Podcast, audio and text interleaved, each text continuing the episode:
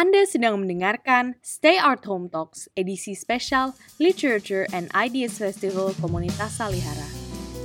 Livest 2021, asyik, sastra Arab, dan kita. Kita akan mendengarkan pembacaan dan pembahasan karya sastra Indonesia yang dekat dengan tema dan budaya Arab. Selamat mendengarkan.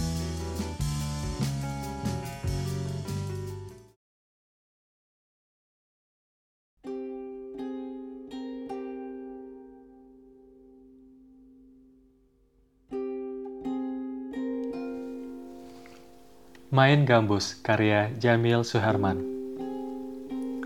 Begitulah kawanku Amran yang dulu jadi kebanggaan kami tiba-tiba menemui nasib begitu malang.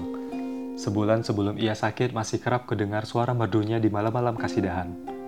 Dan kami yang selalu mengagumi sama dipesonakan oleh goyat dan irama lunaknya ketika melakukan Ya Dunia Ya Gorami. Seolah jiwa kami dibawanya ke alam asing atau kepada abad-abad silam pada kebesaran Islam zaman dahulu kala.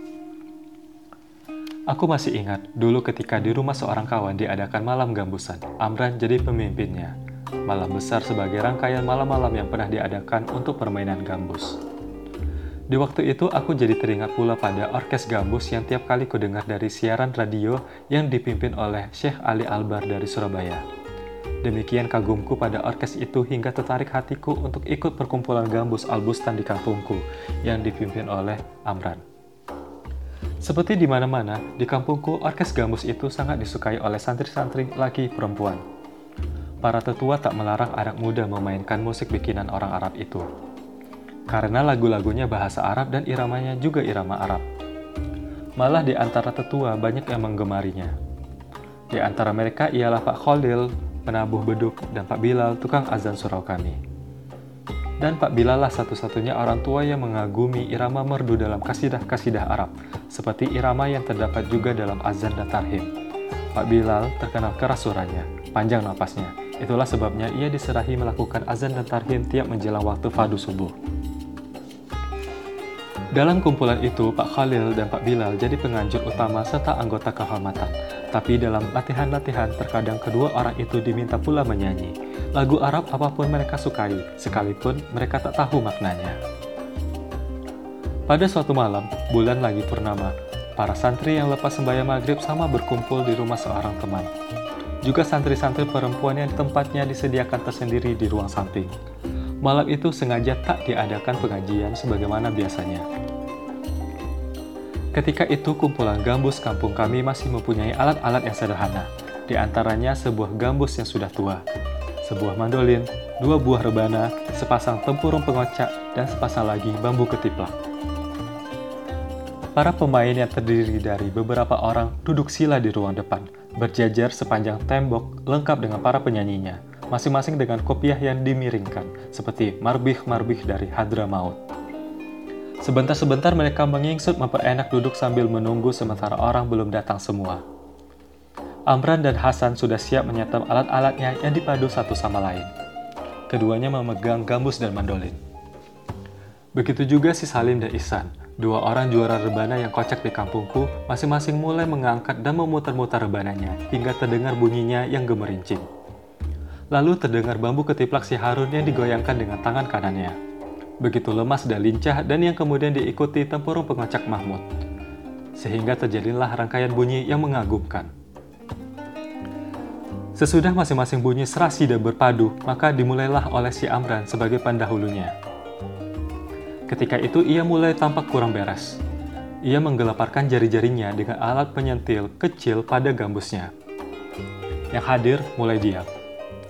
Tapi di luar sana masih terdengar suara ribut-ribut. Anak-anak kecil yang berdesak-desak berlomba ingin mendapatkan tempat paling muka. Tapi manakala rangkaian bunyi terdengar jelas menyatu, maka diamlah semuanya. Gema gambus itu mendegum-degum menyuarakan bahasa hidung, yang kemudian diikuti oleh alat-alat lain yang menyobek-nyobek ketenangan malam. Bentuk lagu yang dimainkan sudah jelas kini, lalu tampillah ke muka si Irham yang membawakan lagunya yang pertama, Yunadi. Irham adalah seorang pemuda jangkung dan berleher panjang. Memang empuk suaranya.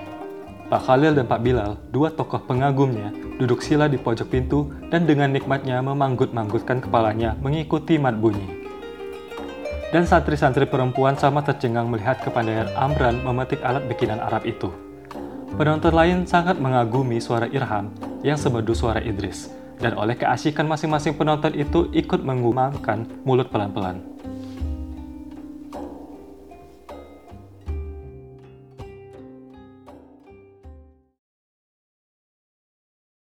Pemirsa, selamat menyimak podcast Salihara.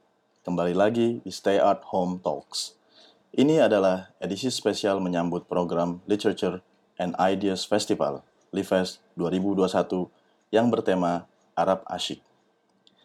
Kita baru saja mendengarkan pembacaan cerita pendek karya Jamil Suherman berjudul Main Gambus dari kumpulan cerita Umi Kalsum yang terbit pada 1963 oleh Aziz Azhar. Bersama saya, Hamzah Muhammad selaku kurator tamu Lives. Sekarang sudah hadir Raidu Basa, penyair sekaligus penulis esai yang pada 2020 meraih penghargaan Nusantara Academic Award untuk bukunya Sastrawan Santri Etnografi Sastra Pesantren.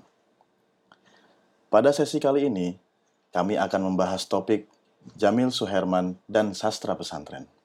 Sepanjang dasawarsa 1950-1960, Jamil Suherman menerbitkan cerpen-cerpennya tentang masyarakat Islam di Jawa Timur, terutama di lingkungan pesantren.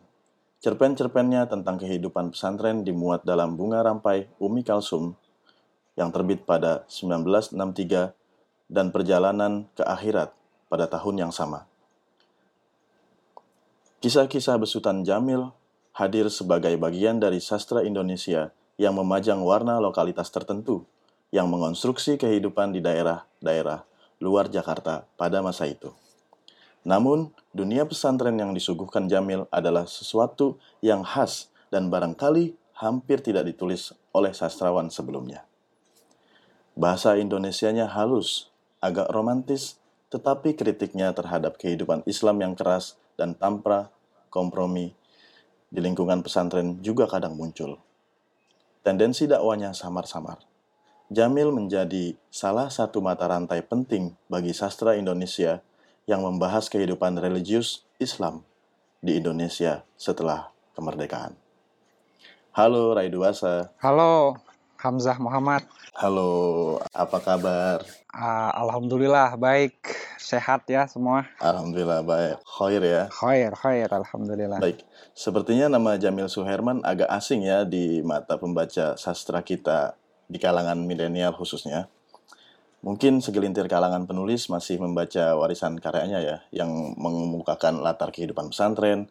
Tapi persoalannya apakah segelintir kalangan tersebut hanyalah pembaca yang juga berkenaan di ranah pesantren.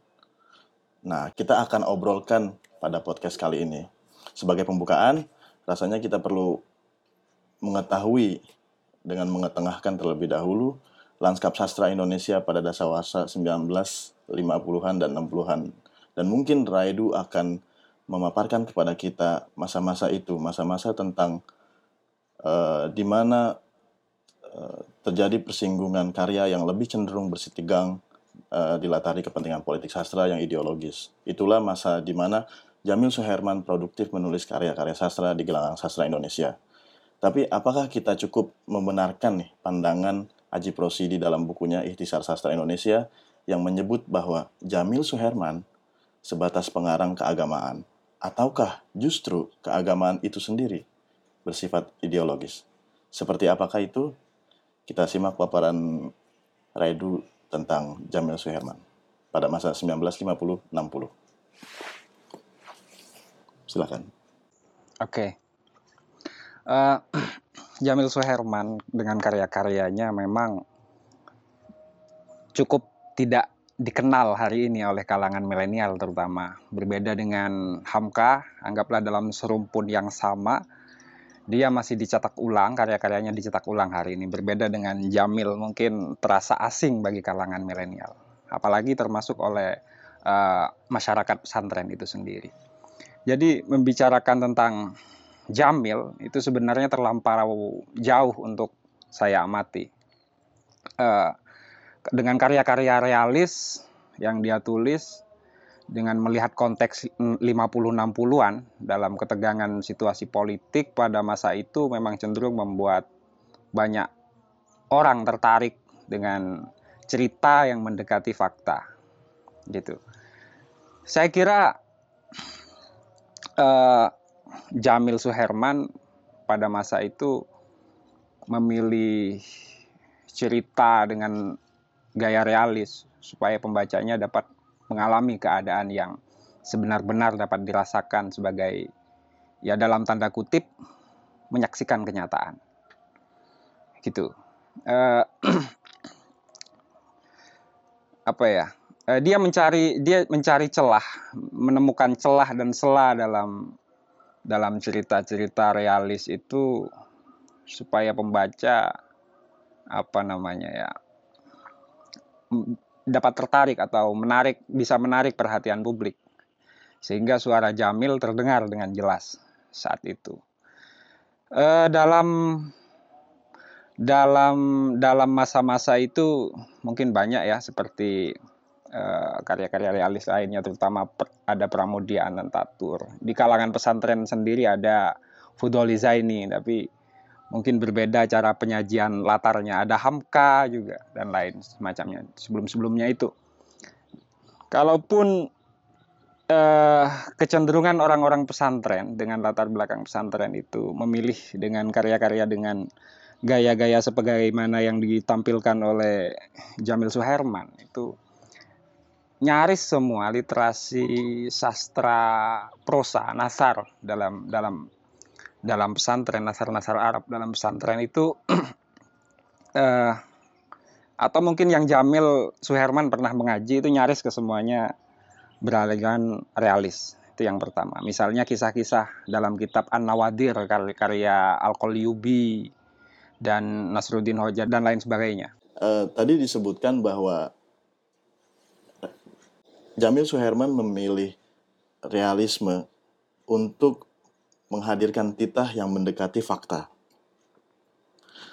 Dan yang saya ingin tanyakan, apakah memang realisme pada masa itu dipilih sebagai hal yang paling memungkinkan sebagai cara untuk menuliskan karya sastra dalam hal ini prosa. Apakah itulah celah yang dia pakai, Jamil Suherman pakai untuk berkarya? Oke. Okay.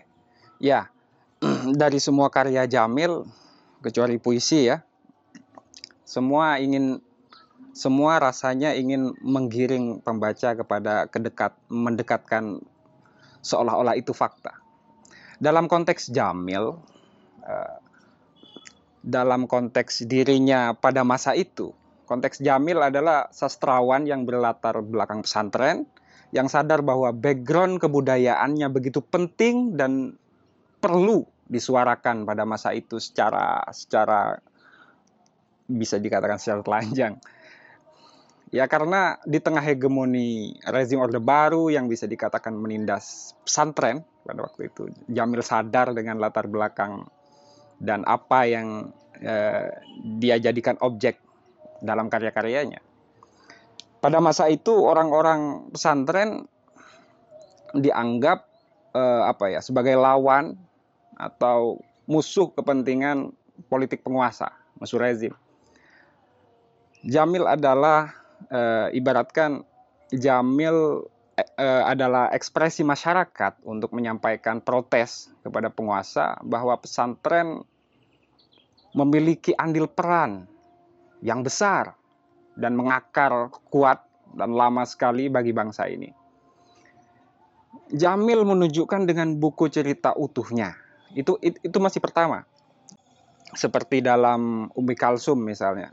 Artinya uh, sebelum Jamil memutuskan ia akan menulis cerita realis, ia memilih untuk mengenali terlebih dahulu latar belakang dari masyarakat di mana ia berada. Bahwa itu kemudian dikatakan realis karena memungkinkan penghadirannya seperti itu ya. Artinya dia saya bayangkan bahwa tidak hanya di masa di masa Orde Baru, tapi yang tadi disebut uh, Raidu, kan Umi Kalsum terbit pada masa 1963 itu kan masih pada masa Orde Lama apakah uh, realisme ya realisme ini memang bersih dari tegangan ideologis? Eh, realisme yang diusung oleh Jamil Suherman bersih dari tegangan ideologis antara ideologi A dengan ideologi B dan bahwa pesantren ini yang dalam tanda kutip uh, menjadi lokus uh, keagamaan apakah ini ini juga merupakan sikap ideologis di tengah konteks sastra pada masa itu? Pertama-tama Jamil itu tidak apa namanya pertama-tama Jamil itu bukan orang luar pesantren yang kemudian harus mengetahui la, eh, sebuah kultur atau dalam bahasa Gus Dur disebut subkultur pesantren karena Jamil memang tumbuh dan lahir dari kalangan santri dari masyarakat pesantren itu sendiri. Jadi dia punya memori atau punya wawasan yang memang bisa dikatakan bawaan dari lahir gitu ya. Dia kenal suasana pesantren di Jawa Timuran semacam itu. Sehingga dari kenang eh, memori-memorinya yang dia miliki tentang uh, kehidupan pesantren itu cukup mudah direkamnya dan dan disampaikan secara nyata di dalam karya-karyanya.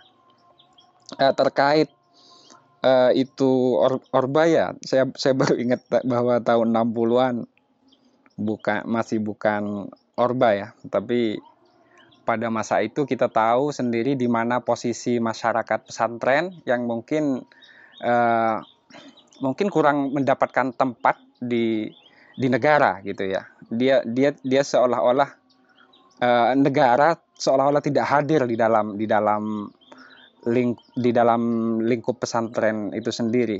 Padahal eh, apa yang didedahkan di dalam Jamil ini ingin dia ingin mengingatkan bahwa perjuangan pesantren terhadap bangsa ini begitu begitu besar dan perjuangan bagi negara eh, Indonesia ini begitu besar. Dia dia coba coba dedahkan dalam dalam cerpen-cerpennya di pejuang-pejuang kali PP misalnya atau uh, dia coba juga didahkan dalam dalam Sakera novelnya ya, tapi yang terbit akhir-akhir tahun 80-an gitu. Baik, tadi poin menarik dari Raidu Basa adalah bahwa Jamil menulis karya prosanya dalam cerpen-cerpennya bertolak daripada apa yang disebut Raidu sebagai kultur bawaan dengan mengindikasikan bahwa negara tidak hadir selama ini dalam memberi exposure terhadap dunia pesantren di dalam sastra Indonesia. Nah, eh, saya, yang saya ingin tanyakan adalah seperti apakah dunia pesantren yang ditampilkan dalam cerita-cerita pendek Jamil Suherman? Apakah pesantren yang sebagai representasi ataukah memang karena realisme karena modanya adalah realisme, cara men menulisnya adalah realisme. Apakah seperti itulah pesantren pada masa lampau? Dan seperti apakah bisa mungkin diberi contoh tentang dunia pesantren yang uh, sehingga kita bisa mendapatkan pengontrasannya dengan pesantren hari ini atau dunia kita hari ini pada umumnya? Silakan. Oke, ini pertanyaan menarik di, di Indonesia ini ter, ada beribu-ribu pesantren dan memiliki kekhasannya sendiri-sendiri. Masing-masing punya ciri tak juga sama gitu. Namun biasanya ada tiga model yang dapat kita ketahui dari pesantren, dari model pesantren. Yang pertama pesantren salaf, yang kedua pesantren modern, dan yang ketiga pesantren salaf semi modern. Pesantren dalam cerita-cerita Jamil Suherman adalah pesantren salaf, yaitu pesantren tradisional. Itu karena konteks zaman yang diangkat Eh, dalam cerita Jamil adalah pesantren-pesantren di Jawa Timur era kolonial dan era awal kemerdekaan mungkin. Menarik, menariknya Jamil tergolong santri modern di pesantren Mufidah Muhammadiyah Surabaya dan berpendidikan cenderung seperti abangan gitu. Namun ia tidak menggunakan terminologi kemodernan pesantren Muhammadiyah tersebut dalam ceritanya. Ini menarik. Mungkin dia sadar, Jamil Suherman, ini dalam asumsi saya ya, bahwa pesantren salaf adalah pesantren yang dianggap otentik dan murni. Seperti zaman sejak Wali Songo, sama seperti itu ya eh, keberlangsungannya. Ini sebagai sebagai bukti yang seperti yang ditampilkan dalam dalam cerita Jamil ada tradisi Maulid Nabi, ada solawatan, ada dibaan, bahkan ilmu mistik, kesaktian dan semacamnya. Seperti dalam kisah Umi Kulsum, itu adalah pesantren salaf, ciri pesantren model pesantren salaf yang bukan sebenarnya bukan khas pesantren yang dikenyam oleh Jamil Suherman eh, Muhammadiyah itu sendiri gitu. Pesantren dalam cerita Jamil Suherman lebih cenderung bisa dikatakan ke pesantren-pesantren NU gitu.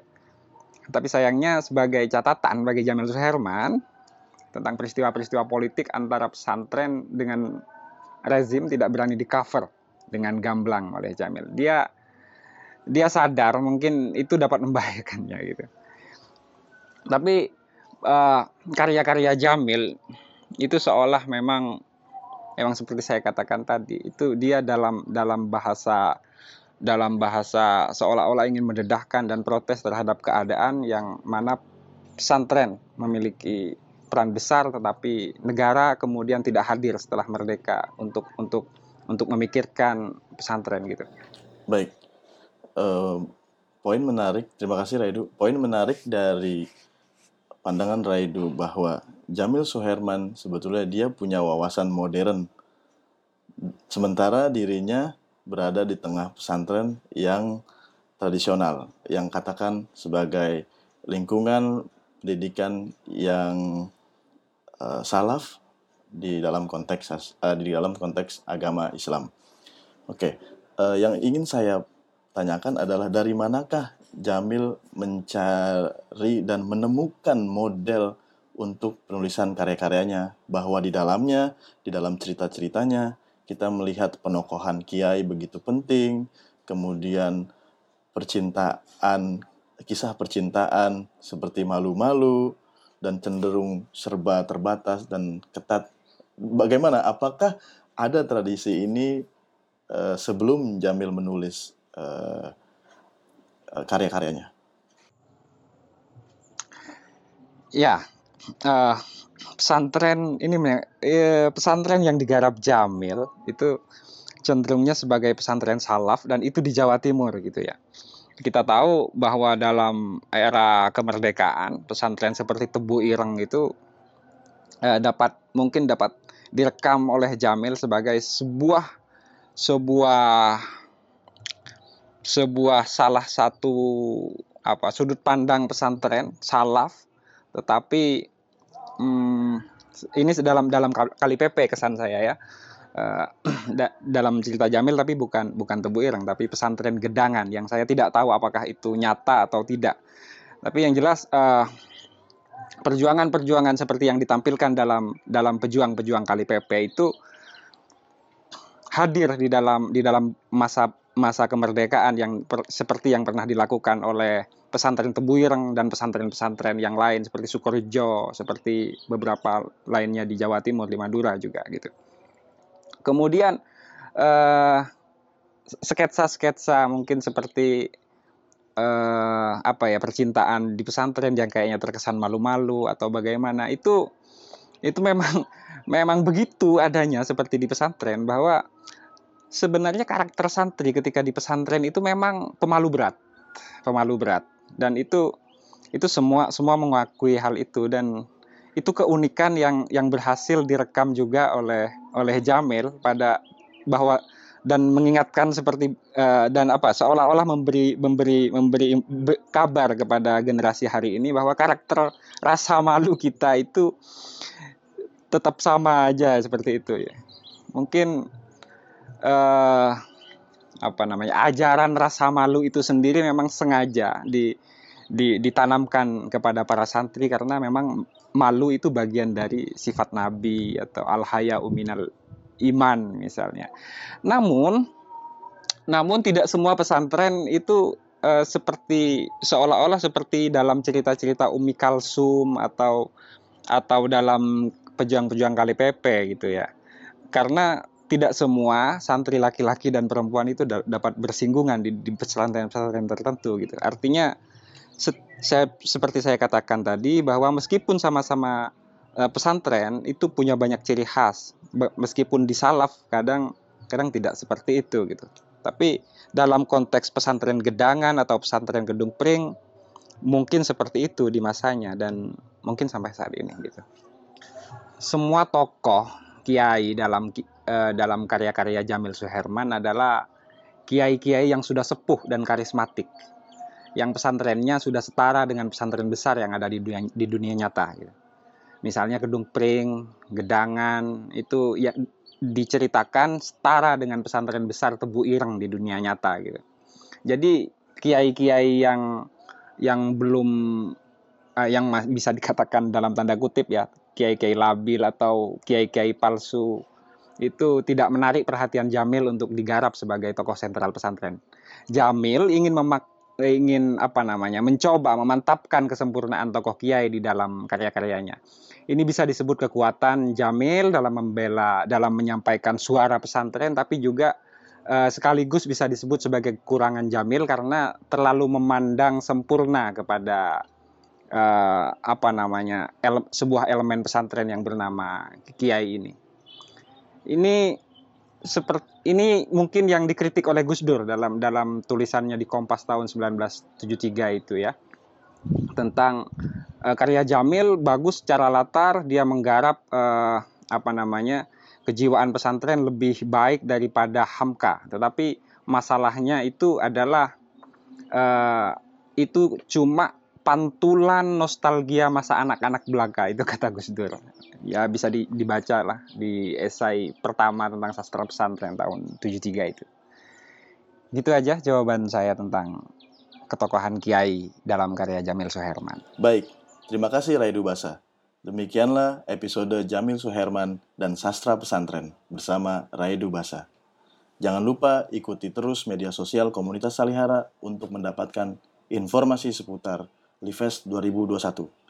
Sampai jumpa di Lives 2021 pada bulan Agustus yang akan datang. Tetaplah menyimak Stay Art Home dengan episode berikutnya, yaitu Dinamika Sastra Arab di Pesantren hari ini. Sampai jumpa.